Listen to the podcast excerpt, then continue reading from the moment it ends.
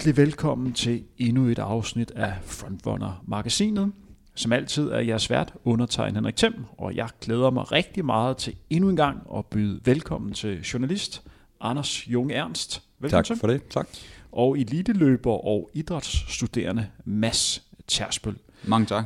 Før vi starter med dagens program, så vil jeg lige høre en gang. Mads, du har været til eksamen i dag. Hvordan er du gået?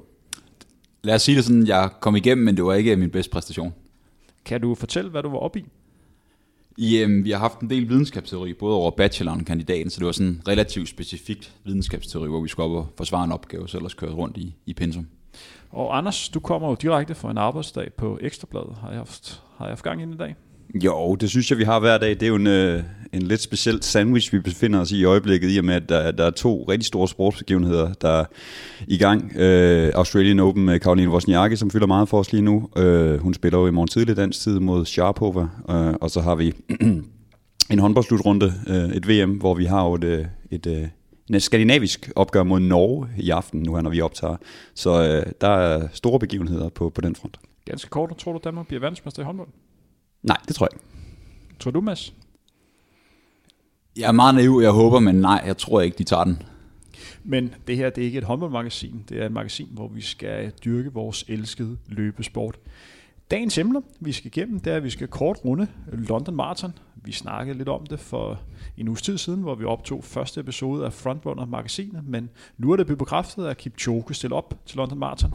Vi skal også snakke Royal Run, som bliver afviklet for anden gang den 10. juni, anden pinsedag i år.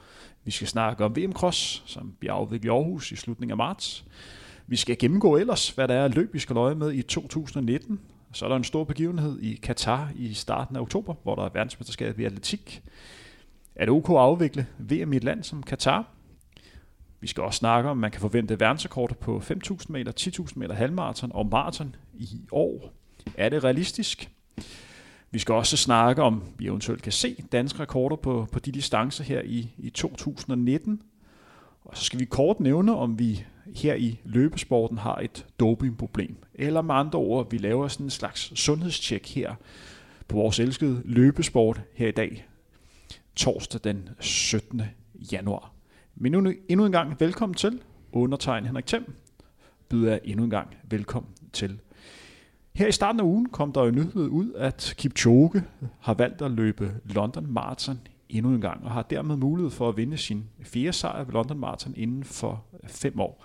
Hvad tænkte du, Mads, da nyheden kom ud? Det var ikke en overraskelse for mig, må jeg sige. Han har jo vundet den et par gange før i London. Det jeg dog tænkte, det var, hvorfor han præcis valgte den. Fordi man kan sige, at han har vundet tre medias nu. Vi har seks medias i verden, og han vælger at vende tilbage til London. Det, der taler for det, og også gjort for det, ligesom for mig ikke var en overraskelse, det er, at Kipchoge, han vælger altid det rigtige løb. Han vælger der, hvor feltet er stærkt, og vi må bare indse, at London altid stiller nogle af de stærkeste løbere. Hvad tænkte du, Anders? Nå, men jeg mener, London Marathon var jo et af de maraton, der fik allerstørst bevågenhed øh, sidst. Så øh, på den måde, så, som Mads så ind inde på, så, øh, så ved han jo at, at vælge sine arenaer øh, med, med omhu. Øh, og når Kipchoge melder sig til, så, øh, så bliver der jo bare endnu mere fokus på det løb. Så er der jo hele Mo Farah-duellen, som, som altså, fra nu af og, og frem til, til starten går, øh, bliver et, øh, et kæmpe tema med, mellem de to ikoner. Så på den måde, der, der er det jo, vi snakkede om sidste gang i frontrunner-udsendelsen, hvad der kan være med til at give løb øh, større fokus, hvad der kan være med til at, hvad skal man sige, skabe øh, øh, ja, fokus på løb, og der er det jo en duel mellem de her to, som virkelig er en god ingrediens i sådan en cocktail. Så på den måde, der, der synes jeg, det er, det er et rigtig dejligt nyhed, at han stiller op til den. Vi snakkede lidt om det i sidste uge, Mads, om Færger havde en chance mod uh, Kipchoge, og du nævnte lidt med, at du troede, at Kipchoge ville kunne sætte mod Færger op til 400 meter. Der er gået 10 dage. Er du stadig inde i den betragtning? Fuldstændig. Man kan sige 400 meter, hvis du løber i 2.06 tempo på maraton, det er 3.00 per kilometer. Det er et minut og 12 sekunder. Som vi så sidste gang, så slog Kipchoge ham med en væsentlig større andel af det. Mo har helt klart rykket sig, Mo er blevet bedre, men Kipchoge han ved absolut også, hvordan slaget det skal slås. Det første, jeg tænkte, da jeg hørte nyheden om, at der kommer den her duel med, med Mo Farah og Kipchoge, øh, det var, at det på nogle måder blev lidt et gratis løb for Mo Farah, fordi Kipchoge er blevet så stor inden for, for løbesporten, så alle forventer lidt, at han vil vinde det her løb her. Mo, han har under stor pres, når han løber på, på hjemmebaner, stadig en løber, som er i gang med at lære maratonsporten øh, at kende. Her stiller op med en, en løber, som fylder så meget, så Mo Farah går fra alt at tabe til alt at vinde. I alle andre store løb, så vil han være favoritten. Men her øh, får han lidt af forventningspressen øh, fra sig. Er du enig med den betragtning, Mads? Det er jeg meget enig i, men jeg vil dog også give kado til Mo Farah, fordi Mo, når han stiller op på banen, så ved vi i hvert fald i hans storhedstid, at han altid vandt.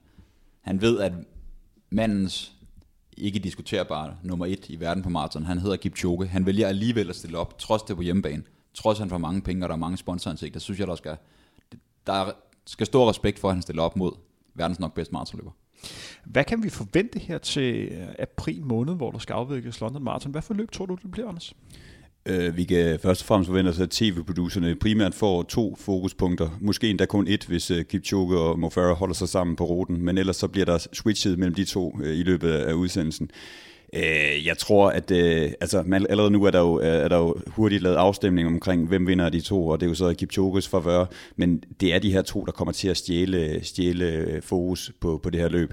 Hvem af dem, der vinder, der vil jeg også sige, det ligger jo stadigvæk med Kipchoge som stor favorit, men i en sport som løb, så ved vi jo også, at øh, når man bliver presset, og når konkurrencen er stor, så er det også tit der, du finder de bedste præstationer frem. Så set i det lys, tror jeg også godt, at Mo Farah kan, hvad skal man sige, sætte pris på, at Kipchoge stiller op, for det kan jo være med til at gøre hans løb endnu bedre, og sådan der på hjemmebane.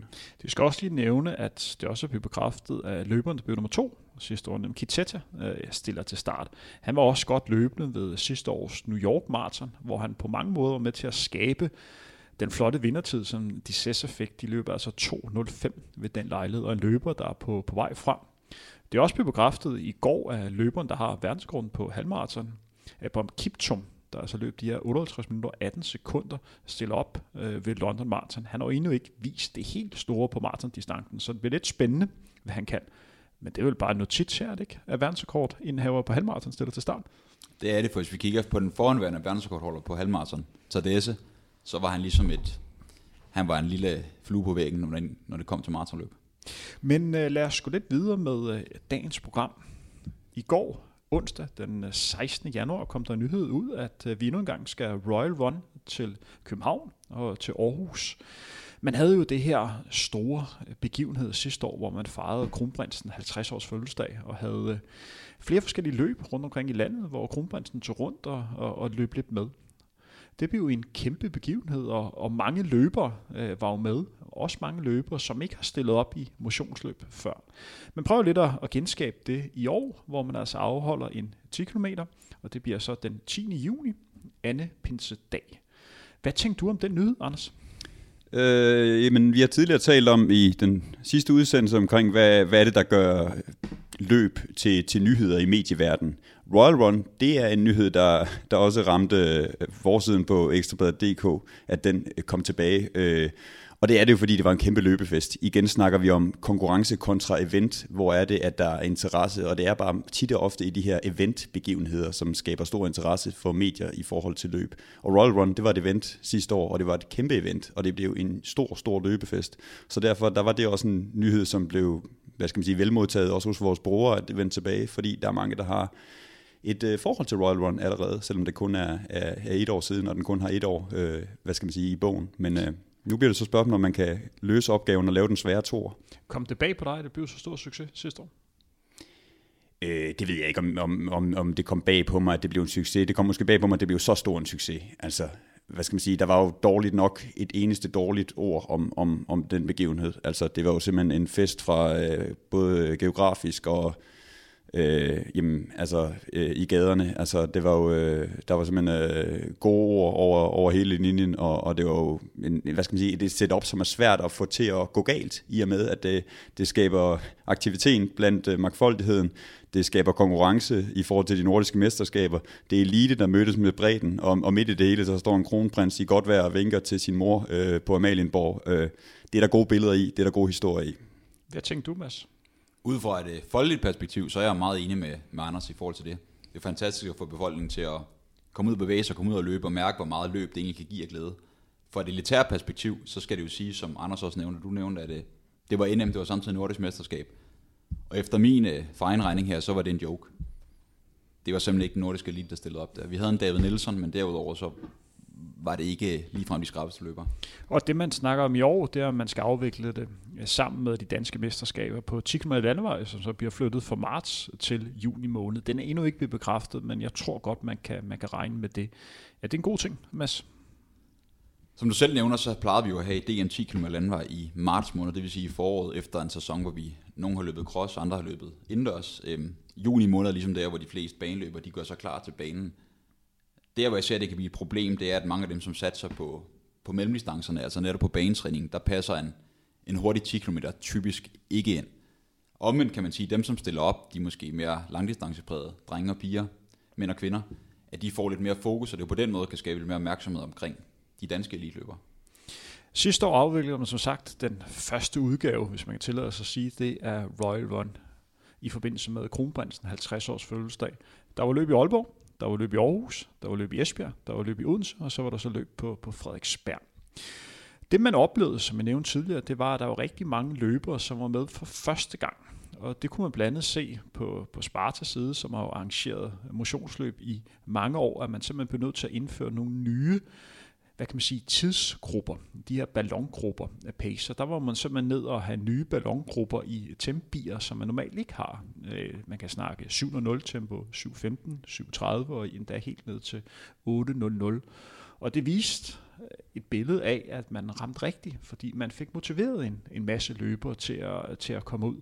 Jeg var personligt øh, selv til stede øh, ved løbet på, på Frederiksberg. Jeg kørte foran i, i frontbilen, og jeg blev rigtig positivt overrasket det er sjældent, jeg sådan kommer hjem og er rigtig, rigtig positiv, øh, når jeg har været til et, løbebegivenhed. Normalt er jeg sådan et blæs, fordi der er så mange mennesker, jeg skal snakke med, og så mange sansindtryk, men jeg var glad her. Øh, jeg kunne se en, en rigtig god stemning blandt løberne, og der var en masse løber, hvor det øh, viste tydeligt, at de var glade for at være med. De var stolte af at kunne løbe 10 km. At de var meget taknemmelige for, at de kunne det. Det store spørgsmål, så som jeg ser det, det er, om man kan genskabe den succes, er det ikke for tidligt, Anders, at man allerede nu laver en to? Mm, altså, det kan man sige, det er det nok ikke i den forbindelse med, at der vil uanset hvad være nogen, der stiller op til Royal Run, også næste år, eller også i år, og de vil få sandsynligvis en god oplevelse, og hver eneste kilometer, der løbet, hver eneste glade person, der er for den distance, der er tilbagelagt, er vel en succes på den, øh, hvis man ser det i, i det lys. Øh, det bliver svært at skabe den samme eufori, også fordi, at det sidste år var, jamen altså, det var, øh, det var kronprinsens fødselsdag. Der var, der, var, øh, der, der var nogle elementer, som du ikke kan genskabe helt naturligt øh, i år igen. Men jeg er ikke i tvivl om, det bliver en løbefest. Men jeg tvivler på, at den kan nå samme højder, som, som det var sidste år. Netop også fordi det var hele det der nye, øh, nyskabende fænomen, for nu at bruge et, et ord, som, som, som nok er for stærkt. Men, men det, det, det bliver svært at genskabe. Jeg tror, det kan blive en succes igen, for jeg tror også, som du selv er inde på, at du får rigtig mange op af sofaen, du får rigtig mange i skoene, du får rigtig mange motionister på banen. Du samler enormt mange øh, forskellige øh, grupper i samfundet, øh, og du så også øh, til Royal Run, at det var familier, der deltog sidste år, øh, som øh, på tværs af niveau og på tværs af interesseforløb simpelthen lavede en udflugt ud af det. Hvis du kan gøre det igen, hvis du kan få noget lignende et DHL øh, Øh, element ind i det her Royal Run øh, og ramme meget bredt i samfundet, så er det jo en succes, uanset om der er 30.000 eller 50.000, der deltager. Jeg vil gerne have, at vi overvejer tre forskellige scenarier. Vi tager udgangspunkt i tre forskellige årsager til, at man vælger at afholde det her løb igen. Som sagt, det her det er min øh, personlige holdning, eller det er det i princippet ikke, fordi det er jo tre teser, jeg smider ud, og så kan I byde ind på det. Den første tese er, at man vælger at skabe løb for at gøre endnu mere reklame for de danske mesterskaber på 10 km, og dermed udnytter den folkelighed, kronprinsen har. I skal bare sige ja eller nej. Tror I, det er en af argumenterne for, at man afvikler det? Nej. Det tror jeg heller ikke, nej. Den næste tese, det er, at man så sidste år, at man var med til at få masse såkaldte nye løber i gang med at løbe, og dermed få større kærlighed til løbesporten. Tror I, at det er argumentet for, at man laver det? Ind igen. Ja, det tror jeg. Absolut. Hvis vi går ind og kigger på, på kronprinsen, han fik jo en masse goodwill for at lave sådan en løb og blive ekstremt folkelig. Øh, det var et fantastisk scenarie og, og, og tænk på et, hvad kan man sige, pres, han var under den dag. Tænk hvis han havde været syg eller været skadet, eller prøv at forestille dig det med at skulle rundt på fem forskellige byer, hvor alle forventer at få så meget af en på en dag. Øh, det må være virkelig voldsomt. Jeg håber, han havde mulighed for at kunne slappe godt og grundigt af dagen efter. Det har han sikkert ikke haft, fordi der var flere fødselsdage, han skulle være på. Hvor meget af det her endnu et PR-stunt for kronprinsen. Der er lige nødt til at knytte en kommentar, fordi jeg har faktisk været så heldig, hvis man kan sige det, det. Jeg er ikke specielt royal selv, men det er altid sjovt at møde, at møde kongefamilien. Og jeg har mødt af to omgange kronprinsen. Den ene gang var til et, for flere år siden et skole i Kursør, hvor Abdi og jeg snakker med ham også efterfølgende. Anden gang var faktisk for små to år siden, hvor jeg var i gang med en større hjerteundersøgelse. Jeg får en mail et par dage inden, da Jorden Kronprinsen kommer af lægerne, og jeg tænker, er det, er det en joke det her eller hvad? For kronprins, hvorfor skulle han komme til en hjerteundersøgelse? Og det er så fordi, vi har et af verdens syv IOC-centre i verden, i Danmark. Og kronprinsen er altså sammen med en 25-30 minutter, og i stedet for at tale om teknik og udstyr og sådan noget med lægerne, så vil han langt hellere snakke sport. Så jeg tror ikke, det er et PR-stunt. Jeg kunne virkelig oprigtigt mærke, hvor meget kronprinsen han bryder sig om sport. Han er jo trods alt frømand og en rigtig god sejler osv. Og, og så har han bare en kærlighed til folket. Han vil gerne have ham op på sofaen, hvilket de fleste danskere har, har brug for. Tror du, det er PR-stunt, Anders? Jeg tror ikke, at det kan undgå at have PR-effekt, men om det er det, der har været deres egentlige bevæggrund for at skubbe nogle procenter i retning af, at nu gør vi det igen, det, det skal jeg ikke kunne sige. Men jeg synes også, at man kan stille sig selv det spørgsmål, hvorfor ikke? Hvorfor ikke lave Royal Run igen? Hvis du har haft så stor en succes med, med et, et event, hvorfor ikke forsøge at gøre det igen? Hvad skulle, hvad skulle årsagen, du kan vende spørgsmål om, hvad skulle årsagen til være til ikke at lave Royal Run igen? En årsag kunne jo være, at øh, man var lidt bange for, at den sikre succes, som man havde, den blev mindre anden gang. Og argumentet for måske lige at vente et år øh, til, hvor interessen måske blev endnu større, øh, kunne jo være en mulighed. Det... Så, man, så man simpelthen afviklede det næste Royal Run i, lad os sige, øh, 2020. Det er, det er en mulighed, men, men det er jo igen det er jo et hypotetisk spørgsmål, som vi reelt først kender svaret på, når vi har deltagerantallet her i, i 2019. Og igen, hvad, hvad er en succes? Øh, er det en succes? Skal der lige så mange deltagere til som sidst? Det kommer der næppe. Skal der halvdelen til? Er det så en succes? Eller er det en fiasko, fordi det så kun er 50% af det sidste deltagerantal? Det, det, det, det, det er svært at, måle, øh, hvad der skal til for at gøre Royal Run til en succes. For i sidste ende, så kan øh, der være et enormt lavt deltagerantal målt i forhold til sidste år, men dem, der har været afsted, kan have haft en kanon god oplevelse. Er det så en succes for dem? Det er det nok. Hvor mange løber skal være til start for, du tror det eller kan kaldes en succes? Snakker vi om 10.000? Det er svært at sætte et tal på. Der, der skal være så mange løbere, at det, at det er nok til, at, øh, at det bliver bemærket. Sådan vil jeg sige det. Altså. Hvad siger du, Mads? Jeg er meget enig, men jeg tror dog også, at hvis vi kan, det her kan blive en tradition, så ligesom vi ser, at det er nok mest traditionsrige løb, ikke bare i Danmark, men faktisk i en stor del af verden, eller i hvert fald i Europa, Nordeuropa, imitageløbet, der har de jo haft deltagerbegrænsning på. Jeg ved, det er på vej ned ad bakke, men i mange år har det været en kæmpe tradition, hvor man simpelthen ikke har kunne lukke nok folk ind. Det bliver i hvert fald øh, spændende at se, hvordan det, det bliver, øh, når der skal afvikles Royal Run mandag den 10. juni. Og det er jo noget, vi vil følge op i her i Frontrunner-magasinet. Det næste, vi skal snakke om, er endnu en, en stor begivenhed, endnu en stor event, vi får til Danmark, nærmere bestemt Aarhus i slutningen af marts. Her skal der afvikles verdensmesterskab i cross country.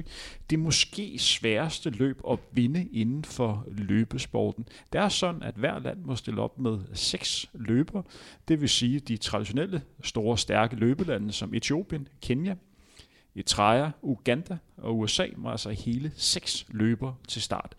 Det bliver en rundstrækning i Aarhus ved Moskov, hvor de øh, lover masser af mudder, masser af bakker og god stemning. Hvis vi går ind og kigger på historien for verdensmesterskabet i cross, så tilbage i 2009, så blev det afviklet i Jordan, i 2011 blev det afviklet i Spanien, i 2013 blev det afviklet i Polen, 2015 i Kina, og så 2017 i Uganda. Og nu har Danmark fået det i 2019. En af argumenterne for, at Danmark skulle have det, var, at man fra arrangørernes side rigtig gerne ville skabe større opmærksomhed for cross. Man så en, en tendens til, at der var mindre og mindre opmærksomhed omkring det her mesterskab, og man håbede lidt, at man ville få den samme effekt, som man havde, da man arrangerede verdensmesterskab i halvmarathon i København tilbage i 2014, hvor man på mange måder lidt fik fornyet mesterskabet. Anders, hvor stor bliver VM Cross for jer på Ekstrabladet? Det bliver ikke ret stort. Jeg håber, jeg tager fejl. Øh, men øh, som udgangspunkt, så er det ikke fordi, at der er sat store kryds i kalenderen for vores sportsplanlægning ved VM Cross. Desværre. Vi, Vi snakker om den største løbebegivenhed overhovedet. Måske det løb, der er allersværest at vinde. Hvorfor er der ikke større opmærksomhed på det? Jeg tror, og igen må jeg sige desværre, fordi at, øh, jeg vil ønske, at jeg tog fejl, og jeg ønsker, at jeg tager fejl, og der bliver øh, enormt stort fokus på det her løb. Jeg tror, problemet med cross er, i modsætning til Royal Run, i modsætning til Copenhagen Half Marathon, at øh, for det første er der ikke ret mange, der ved, i, ude i den almindelige befolkning, hvad er cross egentlig? Jeg tror, mange måske vil tænke først og fremmest, at det er motocross. Hvad kører de rundt på? Hvad gør de egentlig? Når de så finder ud af, hvad cross rent faktisk er, så kan, når du ser billeder af det, det måske hurtigt komme til at ligne, at det er en masse mænd, der løber rundt i en mudderpøl, og det handler om at komme hurtigt ned til parkeringspladsen og finde din bil, så du kan få øh, turen hjem igen. Øh, altså, det er, det er en svær sport at sælge på den måde. Øh, hvis du kigger på det i forhold til et sportsperspektiv, så er det jo, altså, det er jo en det er jo en fantastisk konkurrence. Altså, det er fuld fart, og det handler om at komme først, og det er elitefelt, der er, altså, øh, jamen du, du finder jo ikke noget lignende. Øh, så på den måde har det jo ingredienserne i forhold til at være en god konkurrence. Det er bare meget svært at sælge øh, noget, der foregår ude på en mark, så at sige. Øh, nu er det så i ved Moskov Museum, og det er en flot ramme, der er blevet sat op, og øh, der er også blevet forsøgt virkelig at gøre opmærksom på det her. Jeg håber, det bliver en succes. Jeg har svært ved at forestille mig, at øh, det skulle komme til at få lige så meget omtale som, lad os nu sige, Royal Run. Og det er jo et løb, hvor der er mulighed for jer derude, øh, som måske ikke har niveauet til at med på det danske landshold og, og løbe med, da der vil være et motionsløb i øh, forbindelse med verdensmesterskabet. Mads, du kunne jo være en af de løbere, som kunne være aktuelle for det danske hold. Desværre har du haft nogle skadesproblemer, så VM Cross bliver nok ikke aktuelt for dig. Er det korrekt? Det er helt korrekt, ja. Men i forhold til verdensmesterskabet i cross, hvad tænker du om sådan et arrangement og få det til Aarhus? Hvad var din første tanke der? Altså først og fremmest er det jo fantastisk, at Danmark kan få sådan en stor begivenhed, og det er nok også noget af det største, vi sådan lige umiddelbart får i en periode, udover vi har haft VM halvmarathon, som i min optik er, er endnu større. Det, hvor jeg synes, vi gør lidt galt i byen i Danmark nogle gange, det er, at vi skal være, vi fokuserer så meget på bredden. Hvis man ser på øhm, de danske VM Cross sociale mediesider, Facebook, Instagram osv., så mangler jeg lidt et elitær fokus. Vi snakker altså VM, vi snakker ikke imitageløbet, eller friløbet, eller Royal Run her der er meget fokus på herr Jensen, som er 65 år, som har mulighed for at løbe med de bedste løbere i verden. Jeg synes, der skal være mere elitært fokus her. Og hvordan skulle det være helt præcist? Det vil noget med at have fokus på specifikke profiler, nogle måske top 10 løberne, have fokus på, hvordan de træner, hvilke løb de fokuserer på op til. I stedet for netop kun at have fokus på, at der kommer en eller anden tilfældig englænder, der kan løbe 50 minutter på en tier. Hvis vi går ind og kigger, og så kigger med elitær øjne og fokusere på de danske løbere, som vil komme til start. Øh, det er sådan, at du har et juniormesterskab, så har du et seniormesterskab, og så har du noget stafet. Lad os skyde alt det, der hedder stafet til hjørne. Og så der er udgangspunkt i juniorløbet. Der skal være seks drenge og seks piger til start, og så skal der være seks kvinder på seniorne, og så seks herrer. Øh, lige nu er der udtaget fire danske herrer. Der er udtaget Abdiolat, Ole Hesselbjerg, Thijs Nihus og Peter Klans. Det er de fire, der er forudtaget, og så er der forudtaget tre for kvinder. Simone Glad, Anne Møller og så Maja Alm. Det vil sige, at der er en masse løbere, der skal bruge de næste par måneder og overvise landstræneren om, at de er i god nok form, og også løbe stærkt nok, når der skal være udtagelsestævne i forbindelse med danske mesterskab i cross i, øh, i starten af marts. Mads, vi to snakker om, inden vi gik på, hvor svært det er for de danske løbere at gøre sig gældende til VM Cross. Vil du ganske kort lige fortælle, hvor højt niveauet er til mesterskabet? Jamen forestil dig at tage det et af de bedste fodboldhold i verden, og så sætte det op mod en CA3-klub ude på Bøgelandet. Niveauet er vanvittigt højt. Prøv at sætte løbebåndet på 21, 21,5 km i timen. Der er det fladt, der går det lige ud. Så forestil dig, at du smider et mudder underlag på, og det samtidig går op og bakker og ned og bakke. Altså det, så ikke man inde i sporten, selv jeg forstår næsten ikke, hvor hurtigt de her drenge og piger, de, de løber. Det er vanvittigt højt niveau. Vi har jo altså seks danske herrer, seks kvinder og så nogle juniorløbere, som stiller til start. Er det for mange? Har vi så mange løbere, som er gode nok til at være med? Er det nok argument, at man er på hjemmebane? Det er jo så dejligt ved en podcast, at man kan stå for skud her, og det, det kan jeg egentlig også meget godt lide, man må sige sin mening. Danmark har valgt at skulle udtage seks løbere hver klasse, og det må vi så gå efter. Jeg må dog igen sige, at det her det er et VM-cross, og personligt, uden at nævne navn, så mener jeg ikke, at vi har seks løbere hver klasse, der kan stille op. Simpelthen fordi igen, det her det er et verdensmesterskab. Det er ikke i gåsøjne bare et nordisk mesterskab. Vi har et på udtalelsesløb, fire løbere hver klasse er udtaget, men jeg mener også, der bør være nogle tidskrav. Mit perspektiv, og det har jeg altid sagt, selv hvis jeg var i den situation, jeg skulle udteste, det er, hvis ikke man som herre i hvert fald kan løbe omkring 28-30 på en 10'er, så føler jeg ikke, man har noget godt til et VM. Igen, det er ikke sjovt at blive blandt de 10% sidste i klassen. I øh, Sverige har man gjort sådan, at du skal have et niveau, øh, der indikerer, at du er kommet til 25 til mesterskabet, ellers så bliver du ikke udtaget. Når man begynder at kigge på de danske løber, så ja, Annemil Møller kan måske have niveauet til at komme i top 25, men selv det vil være en bedrift, som måske er det største, hun har gjort i øh, karrieren. Anders, jeg kunne godt tænke mig at have dig lidt med i, i snakken her. Synes du, at man skal udtage et fuldt hold, fordi man er på hjemmebane, eller skal man simpelthen kigge på det sportslige niveau? Hvad er din holdning her? Jamen for det første må vi sige, at øh, som masser os ind på alle, der deltager i et cross-VM, øh, og alle der er inde omkring en udtalelse og i spil til det, altså det er jo ustyrligt højt niveau, øh, som, som vi taler om. Så på den måde, der kan man jo godt argumentere for, at det selvfølgelig skal, skal det, de have deres berettelse til at deltage ved et VM, når de allerede er på det niveau, og når kravene ligesom gør, at de kan deltage. Men du kan også drage en pendant til, til, til det, hvad der sker lige nu i, i håndbold for eksempel. Der har vi også en VM-slutrunde, hvor vi ser nogle nationer, hvor at man tænker, jamen det her det er jo, det er jo tæt på unfair hold. Altså, øh, hvad, øh, hvad laver øh, hvad skal man sige, øh, et hold som, øh, som Saudi-Arabien ved en, ved en håndboldslutrunde? Øh, er, er, er, det, er, det, er, det, er det god konkurrence? Er det godt for, for selve slutrunden? Er det godt for et VM?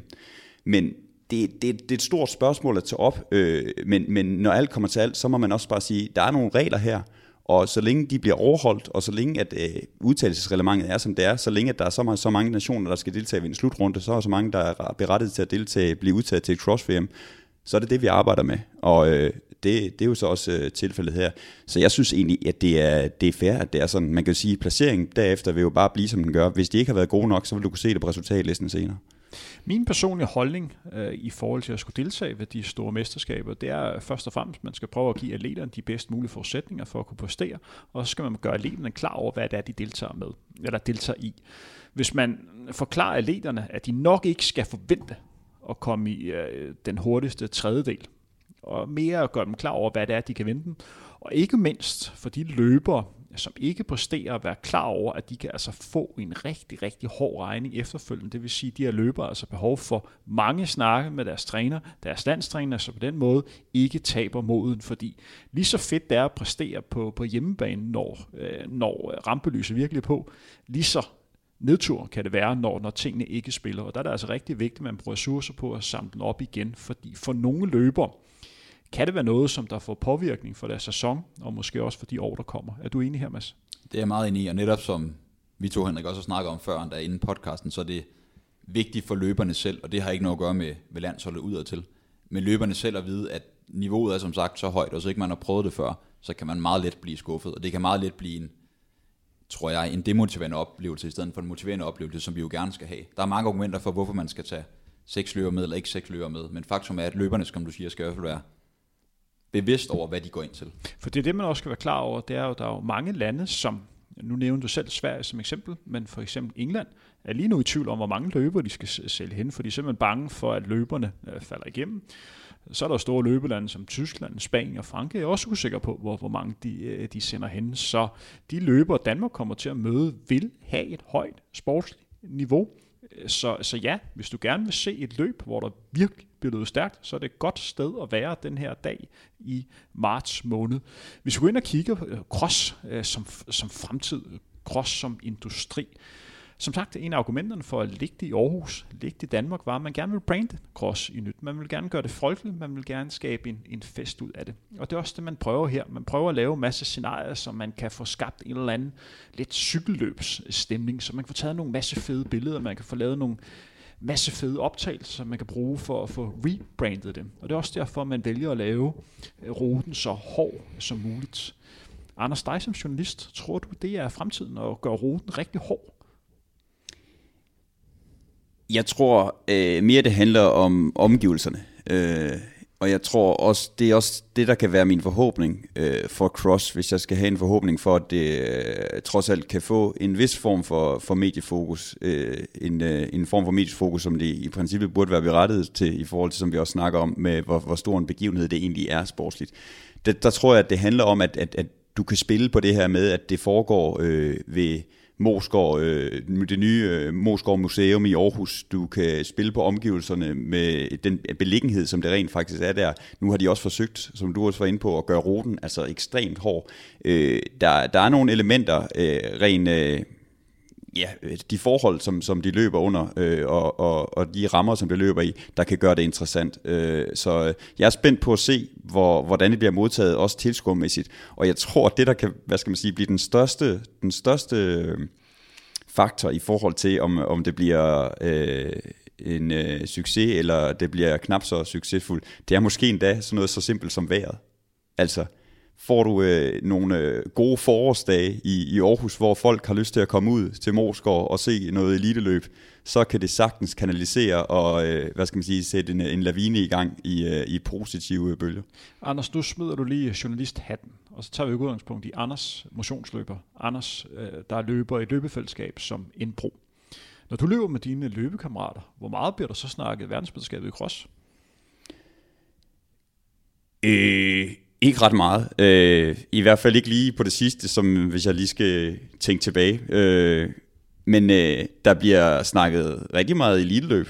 Men øh, det er ikke lige, fordi det har været cross, der har været mest op at vende. Jeg tror, det er noget, som der langsomt vil komme og blive intensiveret nu her, når vi nærmer os starten. Jeg tror alligevel trods alt stadigvæk, der er øh, noget tid til, at det går i gang.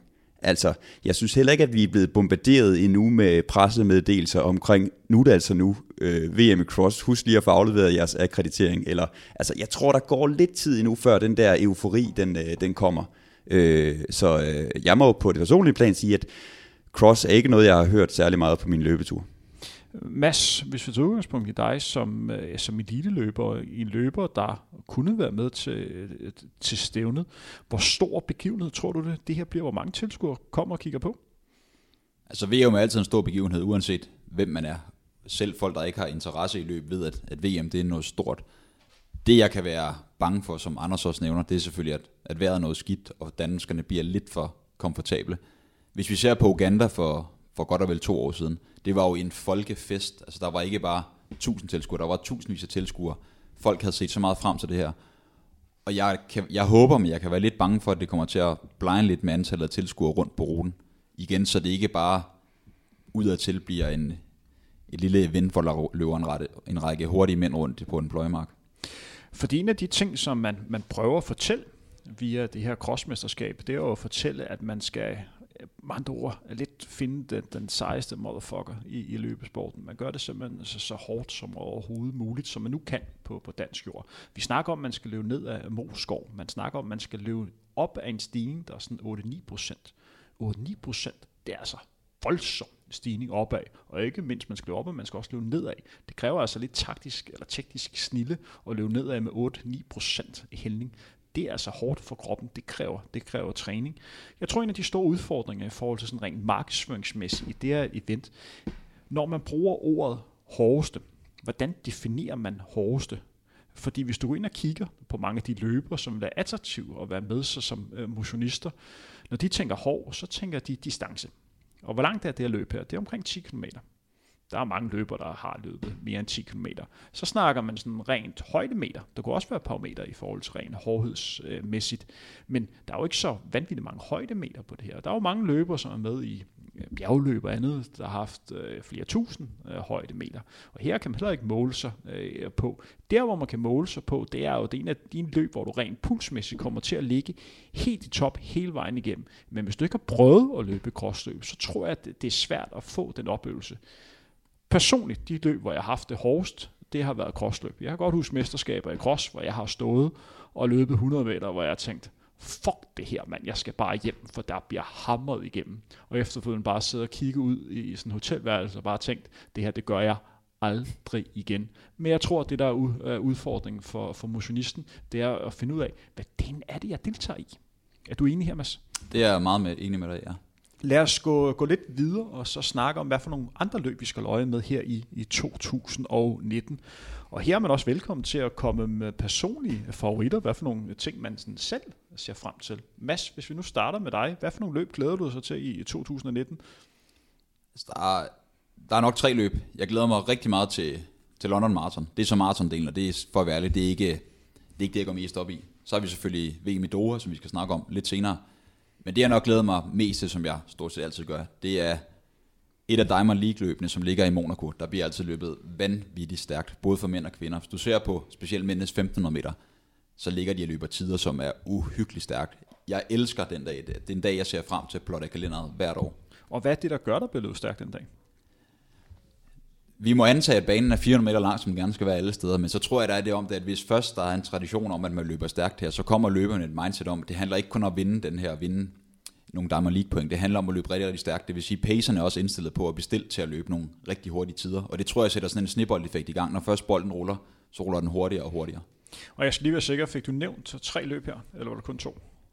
London Marathon, VM i Doha, og så Monaco-løbet, Diamond League. Okay. Anders? Øh, jeg vil så sige to løb. Jeg tager et på det personlige plan, og så tager jeg et øh, på, på eliteplan, så at sige. Øh, jeg glæder mig til at øh, vende tilbage til Berlin og løbe Berlin Halmarathon, som øh, jeg også øh, havde fornøjelsen af at løbe sidste år.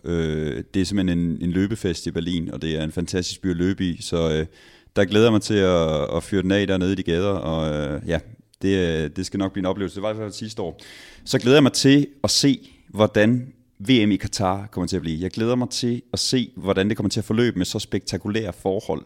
Altså vi taler om et maratonløb, der reelt set skydes i gang midt om natten. Øh, det, det bliver meget specielt og meget anderledes at se, hvordan det kommer til at blive. Og lige præcis det er jeg rigtig glad for, at du nævner, for det er faktisk det næste, vi skal snakke om. En bedre bro til det emne kan der næsten ikke være. Man skulle næsten tro, at vi havde forberedt os på det. For det er jo netop sådan, at i starten af oktober bliver der afviklet verdensmesterskabet i atletik i Katar. Og du nævnte selv, det bliver helt ekstraordinært. Anders, kan du lige komme ind på, øh, hvad vil det sige at have et øh, verdensmesterskab i Katar? Og er det egentlig OK at have et øh, verdensmesterskab i atletik i øh, Katar med deres politiske situation lige i øjeblikket? Det er en stor diskussion at tage, men, øh, men vi kan da tage hul på den. Øh, og vi kan starte med at stille spørgsmålet, øh, er Katar en øh, atletiknation? Øh, det retoriske spørgsmål kunne være, øh, er der ikke mange andre nationer, der har en større atletiktradition, som burde stå foran i køen i, i forhold til Katar? Øh, det, det tror jeg er et, meget væsentligt spørgsmål at, at stille. Øh, så, så kan man også stille spørgsmål ved, øh, har befolkningen i Katar, har de det her atletiksynspunkt, der er, at de glæder sig til at se atletik? Øh, det kan hurtigt blive, øh, blive et spørgsmål om, om politik, det her. Øh, Katar er jo ikke øh, UF'en i forhold til at have værtskaber og have VM-værtskaber. De havde VM i håndbold 2015, de står foran og skal have VM i 2022 i fodbold. derudover har de jo andre store sportsbegivenheder. Det er et land, der tæller omkring 3 millioner indbyggere. Det er et land, der er en halvanden gang større end Jylland i areal. Øh, det, det, det, er, det er specielt, at det foregår hernede. Du kan tage et eksempel med, at øh, dengang, at øh, hvad skal man sige, Katar blev tildelt værtskabet for VM i fodbold, der stod du i, med en situation, hvor Katar i, i 2010 ikke havde det eneste stadion, der var beregnet til at kunne afholde et fodbold-VM. Øh, der, så er der de, det, den problemstilling, der er måske allermest vigtige i det her, det er, at øh, det er menneskeheds, øh, øh hvad hedder, menneskehedsrettigheder øh, i, hele, i, i forhold til det aspekt. Altså, Katar det er rig på oliemillioner, men det er fattig på menneskerettigheder, øh, og er måske endda gået for lidt, kan man gå så langt til at sige. Så, så øh, i forhold til det, der, der er det jo øh, yderst øh, kritisabelt og bemærkelsesværdigt, at man vælger at placere et VM i, i Katar, i og med, at der er altså talrige rapporter, talrige beviser på, at øh, der foregår noget, der kunne minde om øh, slavearbejde i forhold til migranters arbejde dernede på at gøre, øh, gøre stadioner og, og organisationen klar til at afholde sådan en, øh, en stor begivenhed. Så på den front kan du sige, nej, der er det ikke okay. Hvorfor er det, at man afholder et VM Katar? Det er der er mange øh, gode årsager til at gøre, vil de sikkert mene i Katar, i og med, at det er jo en enorm promovering, der bliver det her land her. Det er jo det, de nyder godt af. Øh, der går øh, jamen altså, der er jo argumenter for, eller der er jo, der er jo mange, der påpeger, at Katar gør det her for ligesom at, at male med en pensel, der får det bedste frem i, i deres øh, maleri, og så, øh, hvad skal man sige, øh, øh farve, øh, farve det beskidte væk, der er farvet med det beskidte pensler. Øh, du skaber fokus på noget sport, i stedet for at skabe fokus på noget negativt, og, og det er jo det, som mange mener, at de ønsker med det her. Så, så på den måde er det, det, det er et komplekst spørgsmål at stille, men, men der er jo, det er jo noget, der hele tiden er oppe i tiden. Det er jo ikke ret lang tid siden, at vi, skal, vi kan snakke om, at FCK øh, i fodbold i begyndelsen af januar valgte at sige, reagere på, jamen de ønsker fremover ikke at lægge deres øh, træningslejre i, øh, i Abu Dhabi. Øh, Øh, og, og de har reageret på, på et ønske fra, fra fansene, og den, hvad skal man sige, ulmen, der har været i forhold til, jamen, hvordan er synet på menneskerettigheder her. Øh, Rosenborg i Norge har, har gjort det samme. Malmø i Sverige har gjort det samme. Øh, folk reagerer på det her. Øh, der blev spillet en i finale i den italienske Supercup i Saudi-Arabien i, i den her uge, hvor der har været enorm polemik omkring, er det okay at, at flytte den italienske Supercup ned til Saudi-Arabien? Hvorfor skal den spilles hernede? Øh, og øh, den italienske vicepremierminister var ude og sige, at han synes, det er, det er jeg tror ordet var sørgeligt. Øh, så på den måde der er det virkelig øh, det er højintenst og, og virkelig brandbart emne at diskutere det her. Øh, og der er, der er mange argumenter for at sige, at det ikke er okay at afholde et VM i Katar. Men ser du fra Katars synsvinkel, så er de sikkert også mange argumenter i forhold til, at, øh, at de kan få det til at blive spektakulært. Og det var jo sådan, at øh, for fem år siden, der vandt øh, Dora retten heden til at kunne afvikle VM Atletik 2019. De vandt foran øh, New Jean, øh, som så fik øh, VM Atletik om to år i Oregon i USA. Og en af argumenterne for, at de fik det ved den lejlighed, var, at de afleverede et et setup, hvor rent sportsligt øh, var mulighed for at kunne lære et mesterskab, som man ikke har set lignende inden for atletikken. Øh, man kan allerede nu gå ind og finde øh, forskellige videoer inde på YouTube, hvor man kan se nærmere på det her atletikstadion, som er i gang med at blive gjort klart. Og der er ikke nogen, er ikke nogen tvivl om, at det her bliver ekstraordinært, og atleterne får ganske gode forhold til at kunne præstere. Men vi snakker også om et, et maratonløb, som bliver afviklet midnats øh, lokal tid, på en rundstrækning, hvor at man laver køleanlæg til at få temperaturen øh, lidt ned, så det bliver de her 11-14 grader, så, så det bliver optimalt. Så der er ingen tvivl om, at der bliver investeret voldsomt i det her. Jeg vil gerne snakke lidt mere om det, sådan det etiske i, i det her. Mass, som atlet, skal man så tænke over, hvor verdensmesterskabet i atletik bliver afviklet, eller skal man bare tænke på at præstere bedst muligt selv?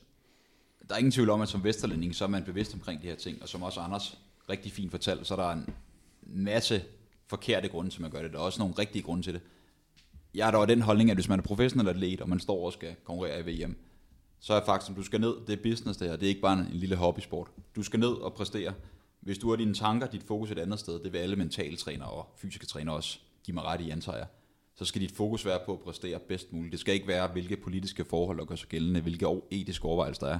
Det er klart, at man er menneske, man er ikke en maskine, og man kommer til at tænke over det. Jeg vil også selv komme til at tænke over det, at have det have det skidt med nogle af de ting, som sker, ligesom Beijing 08, Rio 2016, hvor vi hører nogle kedelige historier om folk, menneskemængder, der forsvinder osv. Men nej, mit, hvad skal man sige, mit uh, sportslige synspunkt er, at nej, man skal i hvert fald ikke tænke for meget over det. Synes du, man skal det som atlet?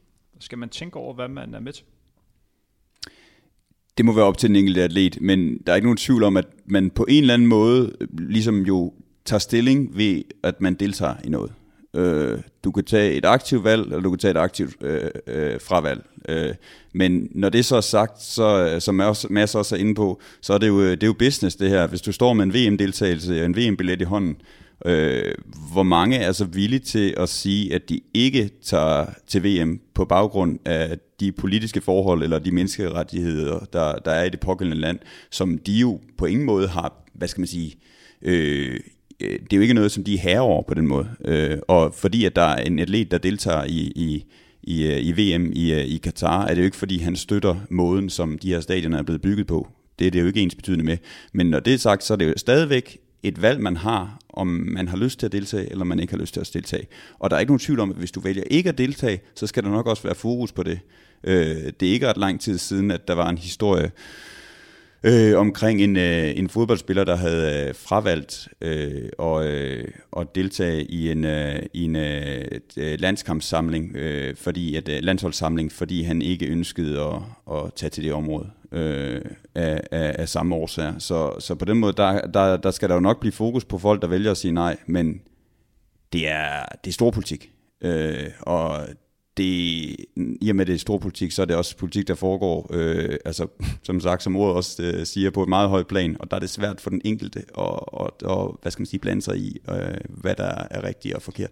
Men hvis vi går niveauet lidt højere op, og så siger, at det ikke er atleternes ansvar, de er i princippet, jo, de kan selvfølgelig have deres individuelle holdning, de kan også melde fra, men vi går lige niveauet lidt mere op og kigger sådan rent landsholdsmæssigt, at det er dem, der skal vurdere, det vil sige diverse landstræner og, og forbund, der skal vurdere, det her noget, som vi, vi vil øh, deltage i. Synes du, Mads, at de har et ansvar om at kigge på, hvad for et land man skal med, eller, eller sender de dem videre op og så sige, at der er jo besluttet for de øverste chefer inden for vores sport, der skal være mesterskab her, og vi skal selvfølgelig prøve at præstere så godt sportsligt, som man nu kan. Det er jo så spørgsmålet, hvad det enkelte forbund gør, om de forhåbentlig tager ansvar selv, eller de, som man altid nemt kan sende videre. Dog så vil jeg også sige, at det er en rigtig, rigtig smuk tankegang, at man ikke vil støtte, at der sker nogle kedelige ting rundt omkring i verden. Men forestil jer, I har trænet de sidste 8, 10, 12 år. I har levet 100% for det her. I har offret, jeg ved ikke hvor mange sociale arrangementer, arbejde, venner, familie, for netop at præstere den her dag. Hvis jeg som udøver havde gjort det, jeg var udtaget til VM og fik at vide lige pludselig for at opkalde landstræner, at vi vælger desværre ikke at sende en dansk trup, så vil jeg, jeg ved ikke hvad jeg vil gøre, jeg vil blive dybt frustreret, dybt ked af det, fordi det har ligesom været mit mål i, jeg ved ikke hvor lang tid. Men det er måske mere, hvad skal man sige, aktuelt at vente den om og, og spørge dig selv, Henrik, dengang du øh, var på det niveau. Hvis du fik øh, tildelt en VM-billet og skulle ned og løbe i Doha, øh, vil du så på det personlige plan tænke, nej, det gør jeg ikke? Øh. Jeg vil nok overveje det næste gang, men jeg vil nok tage dig ned. Øh, på grund af, at øh, jeg, min opgave som atlet er at blive den bedst mulige version af mig selv. Øh, så på den måde, og prøve at, øh, jeg har også en eller anden forpligtelse over for dem, der, som der støttede mig i, i min rejse, om at prøve igen at optimere, hvor jeg kan optimere. Det er ikke mit valg, at verdensmesterskabet skulle være i, øh, i, i Doha. Det er noget, der blev, blev pålagt. Det, som jeg skulle gøre, det er at prøve at præstere bedst muligt. Er der så nogle ting, man måske ikke er helt tilfreds med i den rejse, det kan man jo prøve at, øh, at sige sin mening om.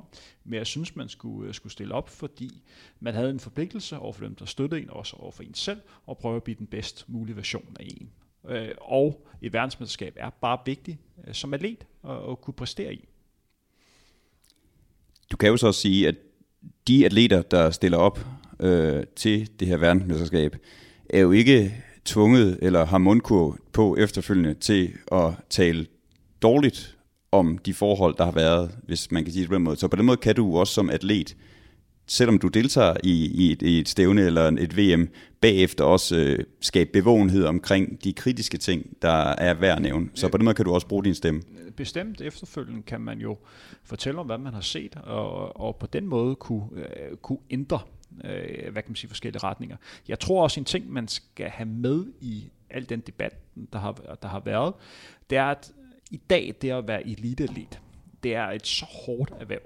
Altså, hvis vi tager udgangspunkt i det at være elite løber, vi snakker om, at du skal træne røven ud af bukserne. Det er virkelig hårdt arbejde. Du skal op klokken lort om morgenen, ud og træne igennem, og så skal du på arbejde eller studie, eller passe familie og andet, så skal du ud og træne igen om aftenen, og så skal du resultere og være klar øh, til i, i morgen igen.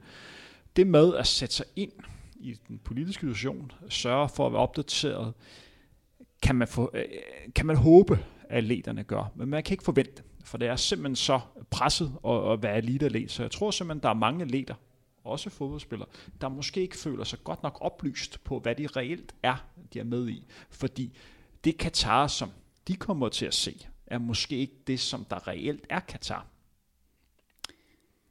Det er i hvert fald overvist om, at uh, Katar uh, gerne vil have, at det bliver sådan, at, uh, at det andet bliver, bliver, bliver gemt væk.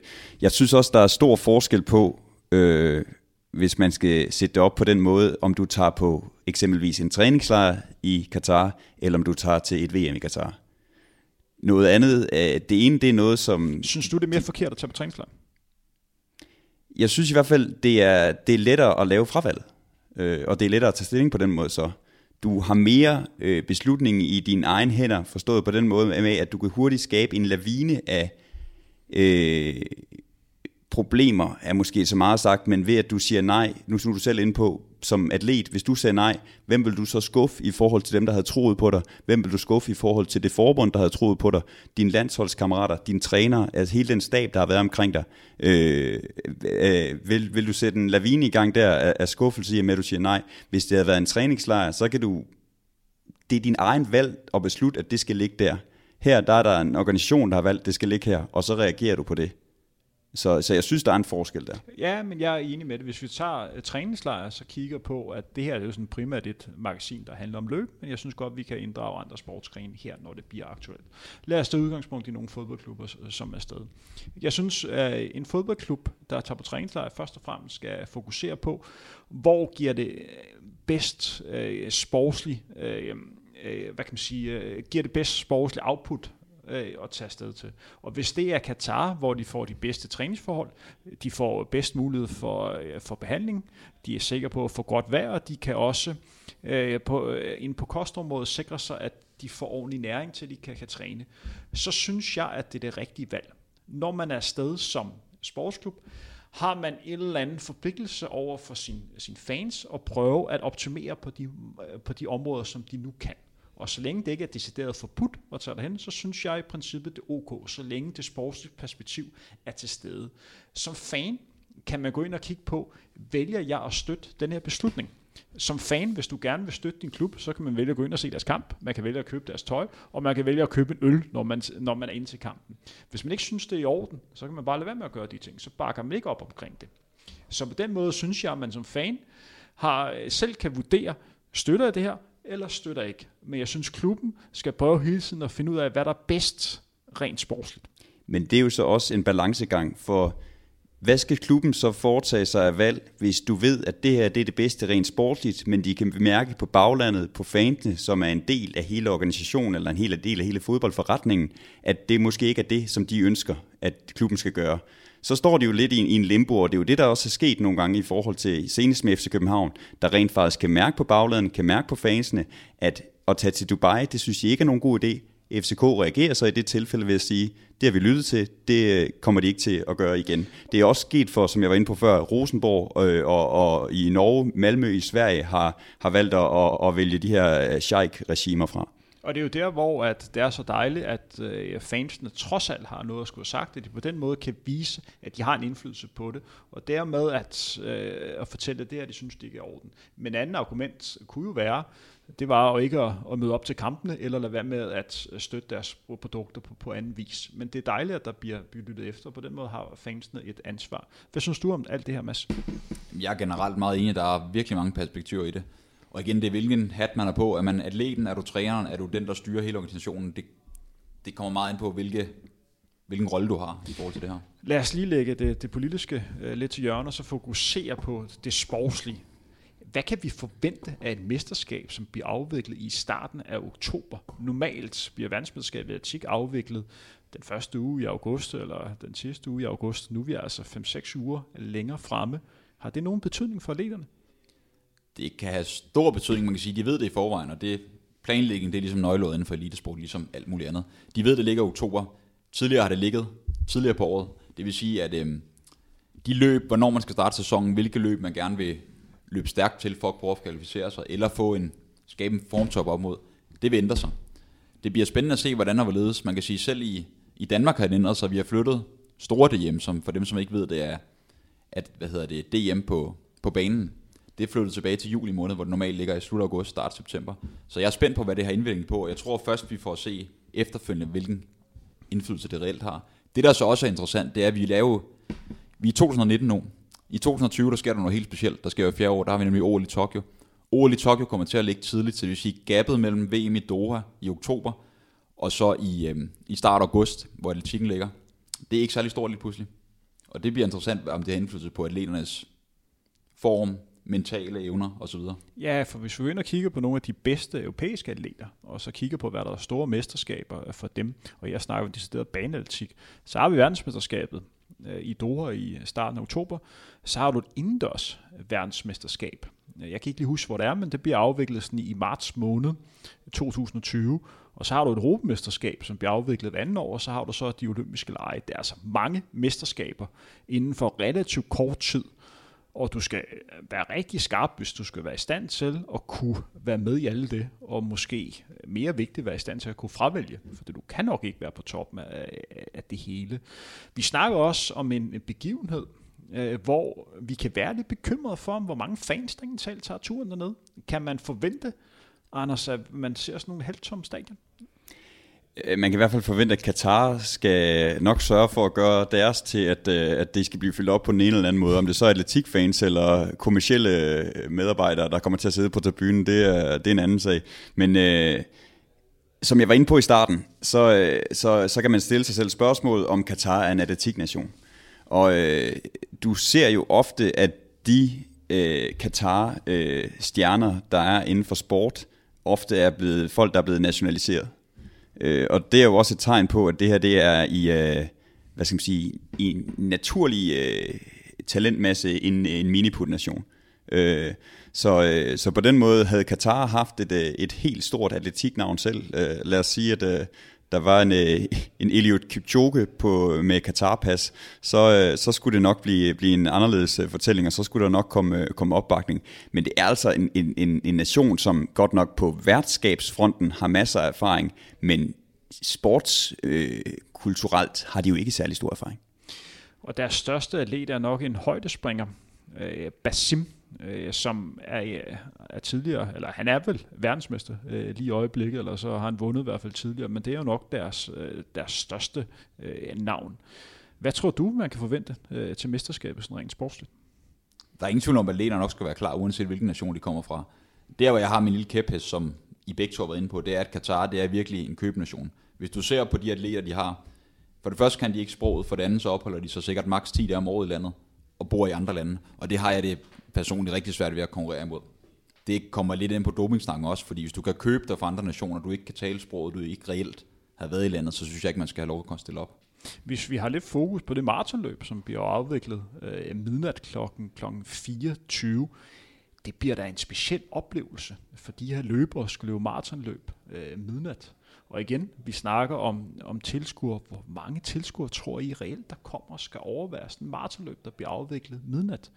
Jeg har set Dubai Marathon, som bliver afviklet her i slutningen af januar. Det er også et løb, som vi vil komme ind på her på, på Frontrunner. Lad os sige det som det er. Tilskueropbakning er ikke, øh, hvor man står og tænker, wow, der er nogen, der er ikke mange vi nærmer os lidt, hvad man kan se nytårsaften på, på Østerbro til en af de her nytårsløb. Det er det niveau, vi er på. Øh, man håber lidt fra arrangørernes side, at det bliver en folkefest. Men jeg er da relativt bekymret for, hvor mange tilskuere, der kommer til at overvære det her. Det skal nok blive øh, en oplevelse i sig selv med alle de her lysklip, man får for de her øh, kæmpe øh, bygninger. Men hvad kan man forvente at se sådan rent sportsligt øh, på en maratonløb, der bliver afviklet midnat? Ligesom dig, så er jeg også bange for, at det rent deltagermæssigt ikke bliver den største succes. Rent sportligt, så synes jeg, det er dybt forkert, at man skal tænke kommersielle interesser og medieinteresser i forhold til, hvad tidspunkt man ligger maratonløbet på. Nogens argument vil være, jamen det er for varmt om dagen. Godt, vi har en udholdenhedssport, så skal du bare ikke ligge det i Katar. Man skal have optimale rammer for atleterne, det er det, det handler om i sidste ende. Jeg ved godt, der skal være medier, der skal økonomi for, at det hele ruller, men jeg synes, det er forkert, at det skal gå så kraftigt over atleterne. Øhm, det ødelægger deres døgnrum fuldstændig Så mange af jer måske har hørt før, hvis man skal konkurrere, skal vi sige, løbe London Marathon klokken, skal vi sige, klokken 10 om formiddagen, så er det smart de sidste måneder op til at lave et par hårde om ugen på samme tidspunkt. Så det vil sige, at de her løber, de skal pludselig vende deres døgnrytme og begynde at ligge og løbe 30 km tempotur klokken 00 midnatstid op til. Det smadrer deres restitution. Jeg synes, det er forkert. Vi skal lige øh, snakke lidt videre om, om de her varme temperaturer, for du nævnte jo selv, at vi har jo verdensmesterskabet i fodbold i øh, Doha. Det må så være 2022. Det fik man jo rykket, fordi det var for varmt om sommeren, så det bliver afviklet i december måned. Jeg spørger bare, hvorfor man ikke valgt at rykke verdensmesterskabet i atletik? Man må formode, at det også er varmt i oktober, lidt længere frem. Er det simpelthen fordi, at fodbold er en større sport end atletik?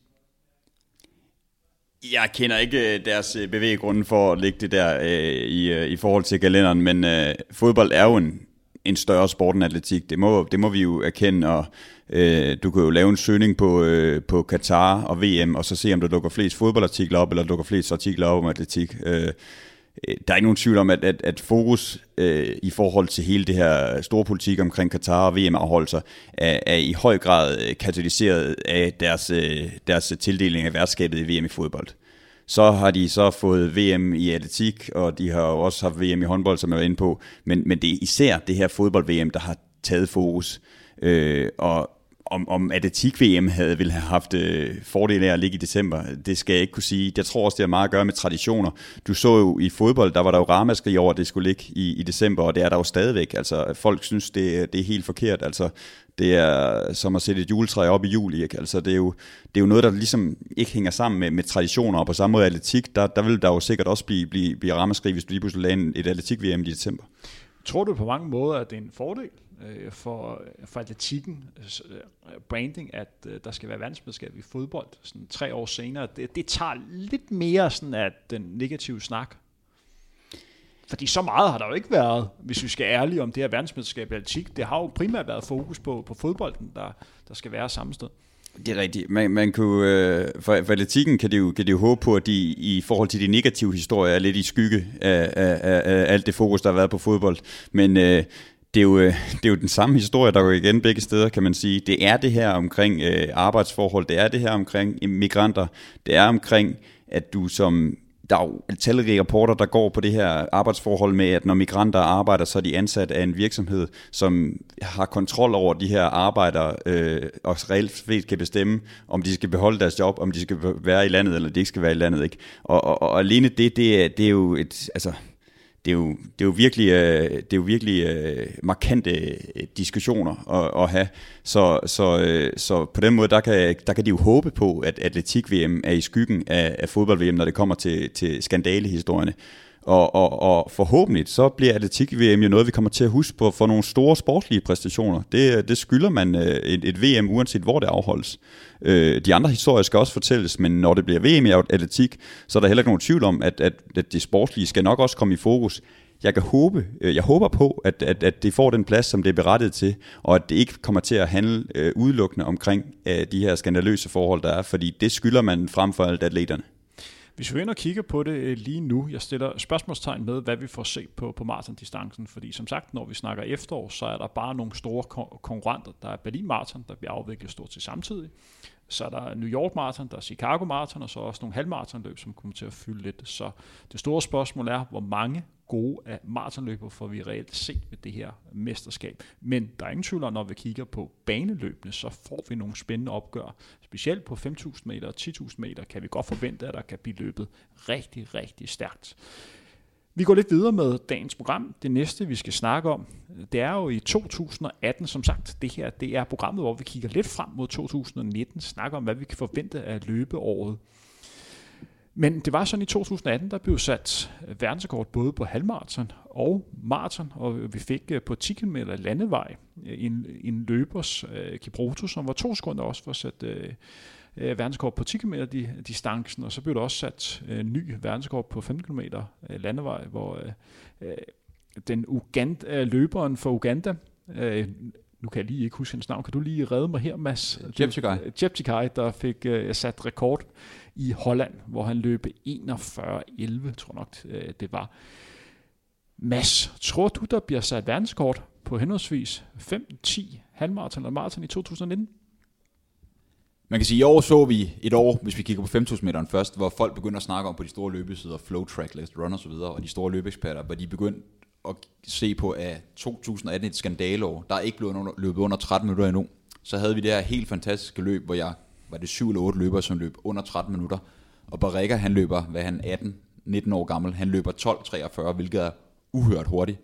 Så har vi vores øh, lille, hvad hedder det, etiopiske ven for Oregon Project, øh, Jomif øh, Kajelcha, som løb 12.40 også, og ydermere har løbet vanvittigt stærkt på halvmarathon, samt på 3000 meter. Om vi kan genskabe et løb, der bliver løbet 12.40 på maraton, det undskyld, på 5.000 meter, eller så, så har man fået nogle gode vitaminpiller. Ja. Øhm, om vi kan genskabe sådan et løb, det er svært at sige. Man kan sige, at alt skal spille, vejret skal spille, temperaturen skal spille, og så skal løberne igen være klar. Jeg tror ikke, at vi lige umiddelbart kan røre ved Kenanisa Bekeles rekord på 12.37. Jeg tror heller ikke, det lader sig gøre lige på 10.000 meter. Hvad med halvmarathon og maraton? Halvmarathon, den tror jeg, det man kan sige, som vi snakker om lidt sidste gang, så er det en distance, som er populær for mange. Der er mange løb om året, og man kan løbe lidt flere, end man kan løbe på maraton. Derudover så er der mange, skal man huske på, østafrikanerne. Enten så skipper de banen, eller så har de en meget, meget kort banesæson, simpelthen fordi pengene, og det er jo et vigtigt argument, de er simpelthen på landvejen. Så ja, jeg tror godt i 2019, at vi kan se en ny verdensrekord på, på halvmarathon. Jeg er også meget optimistisk på, at vi får en ny verdensrekord øh, på halvmarathon. Jeg sagde i vores tidligere udsendelse, jeg har en forventning om, at når vi går to-tre år ude i fremtiden, og vi igen sidder og har snakket om verdenskort, så hedder den omkring 58 rent. Jeg tror, at løberen, som satte verdenskort på den 15 km, løberen for Uganda, som også er nok en af favoritterne til VM Cross, øh, Jeb Tekai, han har niveauet til at kunne, øh, kunne løbe omkring 58 minutter. Der er også Kamvode, og så er der Kibroto, som jeg snakker om i en af de tidligere frontrunner-udsendelser, også en løber, som har niveauet til at løbe rigtig stærkt. Men det er en distance, som er, som er svær at løbe, fordi det kræver, at du har en, en pace, en stabil pace, helt op til 15 km. Du skal altså have et højt sportsligt niveau, for at det kan lade sig gøre. Du skal ramme en, en dag, hvor vejret også er, er til det. Vi går lidt videre, og her vil jeg også gerne have dig med i snakken, Anders. Er det realistisk, vi får nogle danske rekorder på, på de distancer? Hvis du starter, Mads. Marathonrekorden, den er ikke realistisk, vi får i 2019. Er der, der er to rekorder, jeg tænker muligvis kan være i spil. Den ene, det er, det er den danske rekord på halvmarathon. Og der er der en, jeg ser, som kan få, slå den, hvis han er i form til det, hvilket jeg inderligt håber på. Det er Abdi. Man kan sige, at den danske rekord på halvmarathon, den er 61-55, og Abdi han har løbet lidt over 62 minutter. Hertil skal det lige siges, at Jan Ikor faktisk stadigvæk har den anden hurtigste danske tid på halvmarathon, så PT ligger Abdi træer på listen. 10.000 meter og 5.000 meter bliver ikke slået. Den anden distance, jeg tænker på, muligvis skulle være i spil. Det bliver svært, men vi har en Ole Hesselbjerg for Sparta, som de sidste mange år har gjort, har haft et rigtig, rigtig flot og stabilt niveau og været med i flere EM og endda EM-finaler. Jeg håber virkelig, at han tager, hvad skal man sige, spadestykket, spade skridtet dybere og kan komme ned i nærheden af Flemming Jensens, Flemming Jensens rekord. Før vi lige går lidt videre, så vil jeg lige rette mig selv. Jeg nævnte, at Cheptegei han lavede 41.11. Hans rekord er så hurtigt som 41.05. Der er ingen, der skal komme og sige, at vi ikke fortæller sandheden og de rigtige tider her i Frontrunner-magasinet. Vi må optage forfra. Anders, hvad vil det betyde for, for dansk øh, løbesport at få en, en ny dansk rekord på nogle af de lidt mere sådan, uh, branded distancer, 5-10 halvmarathon og maraton? Vil det kunne gøre, at vi uh, fik endnu større opmærksomhed? Det er jo et par år siden, der sidst har været en dansk rekord. Jamen, man kan sige, at en rekord er en rekord, og hvis der bliver sat rekord, så er det tit noget, der bliver en nyhed. Det vil det jo altid være, men om det er en nyhed, der vil blive nævnt, det er sådan en anden sag. Men øh, det vil være godt, det vil være godt med rekorder, fordi rekorder øh, er i bund og grund til for at være milepæle, øh, og det er, et, det er et målbart element, og det er noget, der er til for at blive slået. Man hører tit folk, der siger, når de får, har en rekord, at øh, når der er nogle nye, der overtager den, så siger de, at jeg nød at have den, og nu er det også tid til, at, at, at der er nogle andre, der skal overtage den, og jeg har været stolt af at have den her rekord. Øh, det vil være rigtig fint med, med, med danske rekorder, og det er helt sikkert noget, der vil blive, øh, blive nævnt også. Altså, øh, du, du så det jo forleden med, øh, med øh, at øh, vi også øh, fik, øh, nu har jeg desværre ikke navnet på hende, men øh, hende, der løb indendørs, øh, sprint, øh, som danskeren, som også fik sat en tid. Mathilde Kramer? Lige præcis, ja. Øh, det var jo også en, en nyhed, som også nåede vores øh, site på Ekstrabladet, selvom øh, det ikke måske er en, som øh, den øh, hvad skal vi sige, almindelige danskere kender meget til. Men det var jo fordi, at der blev øh, sat et, øh, en ekstraordinær tid her, og så er det noget, der bliver bemærket, så er det noget, der bliver en nyhed. Mads? Noget, jeg tror er interessant at snakke om her i forhold til rekorder, det er, udefra så kan det være så nemt at sige, hvorfor sætter vi ikke flere danske rekorder, men en diskussion, som man godt skulle tage op, men vi lige kort kan vende, det er, at forholdene i Danmark for danske løbere, de er ikke særlig gode, for at sige det meget mildt. Folk, de træner røven af bukserne, de fleste gør i hvert fald. Nogle kunne træne hårdere, det er der ingen tvivl om, spise sundere og leve bedre.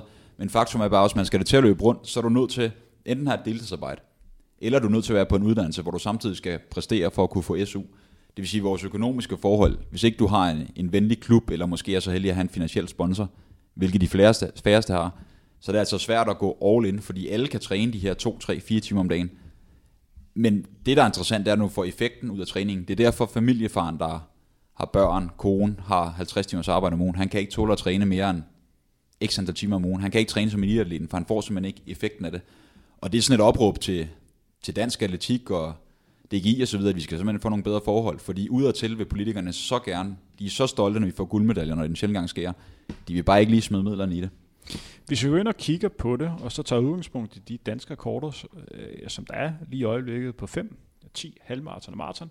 Hvis vi starter på 5.000 meter, så er det Dennis Jensen, han satte sin danske rekord i år 2000. Så har vi den på, øh, på 10.000 meter, det er Carsten Jørgensen.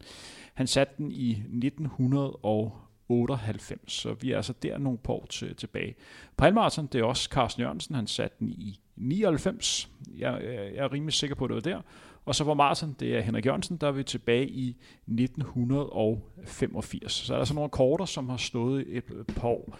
Du nævnte selv, Mads, og der er meget enig, at hvis du går ind og kigger på øh, de danske atleters hverdag, så er det en hverdag, som er krævet af, at de er hårdt spændt op. Et, de skal træne en vis længdel ud af bukserne for at holde det sportsniveau, og så er de også rent presset, øh, rent økonomisk, så de er tvunget til at skulle, skulle arbejde eller studere, øh, for i princippet bare at kunne få øh, mad på, øh, på bordet. Jeg tror på mange måder, hvis man skal, til, øh, hvis man skal overleve som, som dansk atlet og gøre sporten endnu mere populær, øh, så skal man have mere fokus øh, på præstationen kontra øh, hvad kan man sige, det målbare, og på den måde gør man som atlet øh, måske lidt mere holdbar, fordi man, som atlet kan du rimelig hurtigt komme til kort, hvis du har bare hele tiden fokus på den rekord. Og der er jo masser af løber, som ikke har dansk rekorder, som har lavet nogle unikke præstationer. Det kan jo være en, som har haft en alvorlig skade og kom tilbage og løbet et fantastisk løb. Det kan være en, som har løbet 5 km, starter med at falde, og så alligevel øh, præsterer rigtig godt. Det kan være nogen, der har haft et kraftigt vægttab, og på den måde stadig højere et, et sportsligt niveau. Der er masser af sådan nogle historier. Jeg tror, det kan være med til at, øh, få, øh, at skabe endnu større interesse for, for løbesport. Hvad tænker du om det? Jamen, det tror jeg, du er ret i. Øh, jeg tror tit, at det kan blive et, et problem hele tiden at, at, at definere præstationer ud fra tider. Øh, og selvfølgelig vil der være tider som en dansk rekord, som en verdensrekord, som er så ikoniske og altså, som er så specielle, at, at det selvfølgelig er, er det helt, øh, Øh, hvad skal man sige, det, det højeste du kan opnå, øh, er jo sådan set en verdensrekord eller et verdensmesterskab. Men, men hvis du sætter barnen lidt lavere i forhold til måleenheden, så tror jeg også, at der kunne komme mere omtale omkring det. Øh, fordi det kan hurtigt blive, som vi også var inde på i, i den seneste udsendelse, øh, pace 3.20 eller løb 13.22 på en 5 km og sådan noget. Det, det er så svært en, øh, en størrelse at, og, og ligesom at gribe om, øh, hvis du taler med folk, der ikke at sidder dybt inde i løbesporten. Så på den måde, hvis du kan flytte fokus til at skabe historier, skabe bevågenhed gennem noget, der ikke nødvendigvis øh, stammer med to cifre og et kolon, så to cifre og et komma bagefter, så tror jeg, at du, du kan nå langt. Lad mig bare tage et eksempel. Vi tager udgangspunkt i Mass, som sidder jo med den her øh, snak her. Mads vil gerne løbe stærkt på, på 5 km. Og lad os sige, at Mads i her i 2019 øh, løber 13 Øh, 40, som er en rigtig hurtig tid på, på 5 km. Det er ikke en tid, som der gør en kilometer til de store mesterskab, men stadig en tid, som er noget af det hurtigste, der har lavet herhjemme i mange år. Man kan jo vælge at kigge det på mange måder. Man kan jo vælge at sammenligne det med, med dansk rekord, og udgangspunkt. Dansk rekord er 13.26, masse 14 sekunder fra. Man kan vælge at fokus på verdensrekorden, som er på 12.37, masse lidt over et minut fra. Eller man kan tage udgangspunkt i, at Mass er den hurtigste af en befolkning på lidt over 5 millioner, hvor rigtig mange af dem har løbet 5 km. Hvis vi bare tager udgangspunkt i DHL-stafetten, øh, som bliver afviklet i august og øh, starten af september, så har vi altså mere end hvad? 200.000 løbere, som har løbet 5 km, og der er altså massen den hurtigste af det. Det er altså lidt af en bedrift øh, at være det, når man så tager det i mente, at der bliver arbejdet ved siden af, der bliver, der bliver læst, og forhåbentlig også lidt tid til at være herinde i studiet, så gør man lige pludselig den bedrift endnu større. Det, det handler om at lave historier, som folk kan forholde sig til. Det handler om, hvis du skulle fortælle historien om Mads, der havde løbet 1340 øh, på en 5 km i 2019, så vil du skulle fra en journalistisk øh, vinkel sandsynligvis kunne få mest ud af historien ved at fortælle Masses egen historie. At Mass har været igennem et skadesforløb øh, af en anden verden, men alligevel til trods har kæmpet sig tilbage og løber den her tid, så får du mennesket bag øh, præstationen øh, og ind i fortællingen. Og så vil det blive mere interessant, end hvis du sagde, at masser lød 13.40, hvilket er 1 minut og xx antal sekunder fra verdensrekorden. Øh, gør det så håndgribeligt som overhovedet muligt i forhold til, at, at øh, så vidt så mange som muligt kan forholde sig til, hvad det egentlig er, der er blevet præsteret. De fleste har prøvet at sidde udenfor med en skade. De fleste har prøvet at øh, have en periode, hvor de ikke har været i stand til at træne øh, af den ene eller den anden årsag. Og, og så når de så ved, at, øh, at, at de alligevel er kommet tilbage og har lavet en præstation, har lavet det her comeback, så, så bliver det noget, som folk har tænkt, de, de har sgu også prøvet at være ude med et brækket ben, eller en øh, forstuet ankel, eller noget, der tager endnu længere tid. Og så kan de godt huske, at de alligevel kom tilbage. Hvor hårdt var den proces med at komme tilbage? Her er altså en, der er kommet tilbage øh, mod mange odds, kan man sige, ikke? Altså, og alligevel præsterede det. det. Det giver historien noget kant, det giver historien noget, noget gods. Det sidste, vi mangler øh, for i dag, det er det sidste, øh, det sidste tema, det er, at vi skal nemlig lave et slags sundhedstjek på, på løbesporten. Vi tager udgangspunkt i den dag, som der er i dag. Det er torsdag den 17. januar øh, 2019. Og nu skal I hver især henholdsvis Mads Tersbøl eller Anders Jung Ernst sådan lige vurdere den løbesport, vi alle sammen er en del af. Når I kigger på den, hvad ser I så? Ser I en, en sund løbesport? Her tænker jeg på, øh, det kan være sociale medier, som fylder lidt. Det kan være, det kan være doping, det kan være, det kan være matchfixing, det kan være overtræning. Hvad ser man lige nu? Er vi et positivt sted, eller er der nogle ting, der kan gøres bedre? Hvad ser du, Mads? Lige altså nu her. Umiddelbart set, så ser vi et positivt sted. Hvis vi går udgangspunkt i Danmark, så er der rigtig mange løbere, nu snakker jeg slet ikke elitært, som har fundet ud af, hvor fantastisk det er at løbe, hvilken nem motionsform det er. Du kan gøre det til hver en tid, det vil sige, det gør det meget let tilgængeligt for alle. Hvis vi ser med lidt mere elitære briller, så er jeg glad for, at der, der bliver løbet hurtige tider, løbet nogle rekorder osv. Men jeg ser også et sted, hvor vi er i en negativ udvikling, hvor at det er svært at sige, det her ikke begreb, eller begrund, belæg for at sige, om vi har om der er flere, der tager doping, eller er der bare der er flere, der bliver taget for doping. Fordi der er ingen tvivl om, at vi har et, et stort problem. Vi har et, et rigtig stort problem faktisk, tror jeg. I mange år har atletikken, og specielt mellem langdistanceløb, ligesom været den der pæne dreng i klassen. Vi har haft cykelsporten, som altid er det sorte for. Alle siger stadig, at cykelrøret i Ebo. Det er ikke muligt at køre Tour de France uden.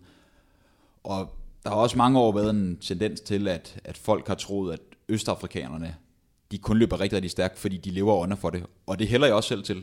Men faktum er bare, at de har et antidoping-system, som nærmere skulle kaldes et, et dopingsystem i, i parentes, fordi der bliver næsten aldrig testet. Og hvis der bliver testet, hører man rygter om, at at folk ved altså i forvejen, hvornår testerne de kommer, og det mener jeg helt klart, at skal gøres noget ved. Vi konkurrerer ikke på lige vilkår. Øhm, Henrik, du nævnte det selv tidligere, vi skal ikke komme ind på tal, men mængden af test i Danmark i forhold til mængden af test, hvis amerikanere for eksempel bliver udsat for, der er en alt for stor spredning. Vi skal simpelthen være mere effektive til at teste. Det er, det er helt sikkert. Hvad siger du, Anders, når du kigger på løbesporten? Øh, jeg ser en, en sport, som er i rivende udvikling. Øh, i forhold til mangfoldigheden. Der er flere og flere, der løber. Løb har øh, altså øh, virkelig en stor stjerne i mange, uanset niveau. Øh, den store udfordring er at, at få kanaliseret den eufori og den store mængde løber ned igennem, hvad skal man sige, øh, elitetrakten. Øh, hvis du kan få skabt et større elitemiljø i Danmark, så tror jeg også, at øh, du vil se bedre præstationer hos de allerbedste det vender lidt tilbage til snakken omkring Mo Farah imod Kipchoge. Hvis du bliver presset som atlet, jeg er sikker på, at Mads kan, kan ikke genkende til det, så er du også øh, i stand til at hive noget endnu bedre frem i dig selv. Hvis vi får et elitefelt i Danmark, der er bedre, endnu bedre end, end, end det, det er i dag, øh, hvor der er endnu større konkurrence, øh, så vil det også være med til at, hvad skal man sige, skabe en, en, en, en positiv effekt på de, der er rigtig gode allerede. Så, så jeg tror, udfordringen er, og, og det, det er en udfordring, som vi nok først vil kunne kende svaret på, når, når vi ser den her store øh, mængde motionister, som skaber et stort fokus på løb i altså mangfoldighedsmæssig forstand i forhold til i fitnesscenter og nede omkring søerne i København, eller om du løber i øh, Mindeparken i Aarhus, eller, eller hvor man nogle gange løber. Øh, hvis, man om nogle år kan se, jamen det har skabt så stor fokus på løb, at folk begynder at dyrke det endnu mere, og så vi får et større elitefelt deraf, så kan man jo tage, tage, tage snak igen til den tid, og så håbe på, at elitefeltet er blevet endnu større og endnu stærkere. Øh, fordi der er ikke nogen tvivl om, at løb står et rigtig positivt øh, sted lige nu i forhold til den almindelige befolkning eller i mangfoldigheden, men, men der mangler stadigvæk et stykke før, at Danmark øh, har et så stort og så bredt elitefelt, at, at, vi kan, at vi kan begynde at hvad skal man sige, virkelig høste frugterne på den front også. Vi bliver nødt til at tage udgangspunkt i, i fakta, og uh, Mads, du nævnte selv, øh, det er, om der er et, et dopingproblem i, i dansk, øh, eller ikke dansk, men international øh, uh, langdistansløb, og det ved vi reelt ikke. Altså, der bliver taget nogle løber en gang imellem, som der, som der sker i mange sportsgrene, men vi kender reelt ikke, hvor stort uh, problemet er. Anders, jeg kunne godt tænke mig at spørge dig ind i, i forhold til øh, altså doping øh, i forhold til igen med din øh, journalistiske øh, vinkel. Øh, der er jo en gang mellem løbere, der bliver taget for, for doping, men det er ikke rigtig noget, som der, der fylder noget sådan rent øh, hos jer, hos andre. Øh, men det er jo stadigvæk en historie på, på linje med, at der er nogle internationale cykelrytter, der bliver taget. Hvorfor vægter man ikke den nyhedsværdi? Øh, jamen det, det er jo en historie hver eneste gang, øh, en atlet bliver taget i at snyde, øh, fordi at det devaluerer jo fuldstændig konkurrencen og hele etikken og hele det, som sport bygger på, øh, med at det er lige vilkår for alle, og det handler om, hvem der er hurtigst, hvem der er størst, hvem der er stærkest, hvem der er bedst. Altså på den måde, der skal vilkårene jo være, være lige, og det er det jo ikke, hvis der er nogen, der doper sig. Så det er jo en historie på den måde. Jeg tror også, man skal passe på med, øh, øh, cykelsport har jo et, et, et, et blakket ry i forhold til doping, men der er også sket rigtig meget der. Altså det er... Øh, man husker, øh, de fleste husker jo øh, Festina-skandalen øh, dengang, hvor det hele bare blev kickstartet i forhold til, til negative historier om doping. Øh, og det var jo også berettet, fordi det var jo en sport, der virkelig skulle ryddes op i. Men man ser jo også nu, at, at der virkelig er sket meget på den front. Cykelsport bevæger sig i en meget positiv retning øh, i forhold til at blive ren. Øh, ryttere siger det jo selv, at, at de, øh, de bliver testet konstant, og, og de også har en tro på, at de er en renere sport i dag. Øh, så, så jeg tror også, at man skal passe på med at, at sammenligne øh, øh, doping af, af lige øh, cykelsport, fordi at der er sket virkelig meget på den front. Øh, I forhold til løb og, og doping, så, så tror jeg, at desto større stjernen er, der bliver taget for doping, desto mere omtale vil historien selvfølgelig få. Og i og med løb, som vi også har været inde på tidligere, endnu ikke har den der det, det, det er ikke det store trækplaster i medierne øh, i forhold til elitesport øh, og dækning af elitesport endnu, så vil der også være længere vej til en dopingskandale i løbesporten, end der vil være i en dopingskandale i fodbold eller i cykelsport. Mads, når du kigger rundt, og så lad os bare holde fokus på det, der sker i den danske øh, løbescene. Tror du, at vi har en udfordring i, i forhold til doping herhjemme? Overhovedet ikke. Det er aldrig faldet mig ind. Jeg tror, jeg kan med hånd på hjertet sige, og kigge mig selv i spejlet, jeg tror ikke, der er nogen danske løber, jeg kender til, på højt plan i hvert fald, som tager noget, de ikke må tage. Der er ligesom en holdning om, det gør man bare ikke.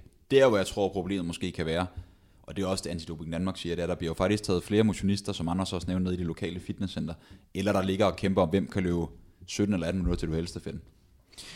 Jeg kan i hvert fald nævne, at de 20 år, som jeg har været i, i løbeverdenen og i eliteverdenen som aktiv, Øh, jeg kan med 100% sikkerhed sige, at jeg vil ikke vide, hvem jeg skulle tage kontakt til, hvis jeg gerne ville dope mig. Jeg vil simpelthen ikke vide, hvem det var, jeg skulle ringe til. Jeg har ikke haft et eller andet øh, et kode telefonnummer på min mobil, hvor jeg lige kunne ringe, og så sige, hey, jeg skal lige bruge tre nummer det. Jeg vil simpelthen ikke vide det. Så personligt kunne jeg da godt tænke mig at bare øh, vide, hvor er, det, man får fat i sådan noget henne. Det er ikke noget, jeg har lyst til at bruge, men bare der, hvor er det, øh, folk får fat i, i, i de her ting. Men som sagt, vi kan hurtigt bene om, at øh, doping ikke hører hjemme, og det er noget, som vi forhåbentlig øh, hvad kan man sige, får det øh, får ud af vores øh, sport. Vi har efterhånden, drenge, øh, snakket lidt over 80 minutter i den her anden udgave af Frontrunner-magasinet. Inden vi lukker helt ned, så vil jeg lige høre dig, Mads. Er der nogle ting, som du mener, vi ikke helt har været inde på? Jeg synes gennemgående, vi kom rigtig fint rundt omkring det. Jeg vil knytte en kommentar til, at jeg glæder mig super meget til en af de kommende udsendelser, hvor vi skal, jeg vil ikke nævne navnene, men bliver tre fyre, som jeg tror alle i den danske løbemiljø, de kender ret godt. Og det, som Mads øh, nævner her, det er jo, at vi vores næste udsendelse kommer til at snakke om Ingebrigtsen, øh, brødrene, hvor vi virkelig skal nørde det. Måske øh, det første og sådan eneste sådan podcast udsendelse, hvor vi kun skal snakke om de her tre brødre. Det Anders, var, det kommer du også til at glæde dig. Det var kort tid, den teaser for Mads fik lov at hænge i luften. det, Ja, det, det glæder jeg mig til. Det, øh, det er øh, en god historie med de drenge på, øh, på, på mange parametre, så uh, vi må se, om vi kan sætte, uh, sætte ny personlig rekord i frontrunner i forhold til, til tid der, men uh, det må vi se. Men øh, tak til Mads og Anders, fordi I har lyst til at, at være i studiet med undertegnet Henrik Thiem og optage endnu en udsendelse af Frontrunner-magasinet. Til dem af jer, som hører med, som gerne vil skabe endnu bedre øh, forhold og endnu bedre udsendelser for os, som sidder og, og laver det her, så gå ind og, og følg os på øh, de sociale medier, og så husk endelig gå ind og, ind og tagge os og gøre opmærksom på, at vi er til stede. Jo mere opmærksomhed frontrunner får, jo bedre udsendelser øh, kan vi lave. Men tak fordi I har lyst til at høre med. Vi høres ved ingen længe, og rigtig god træning derude.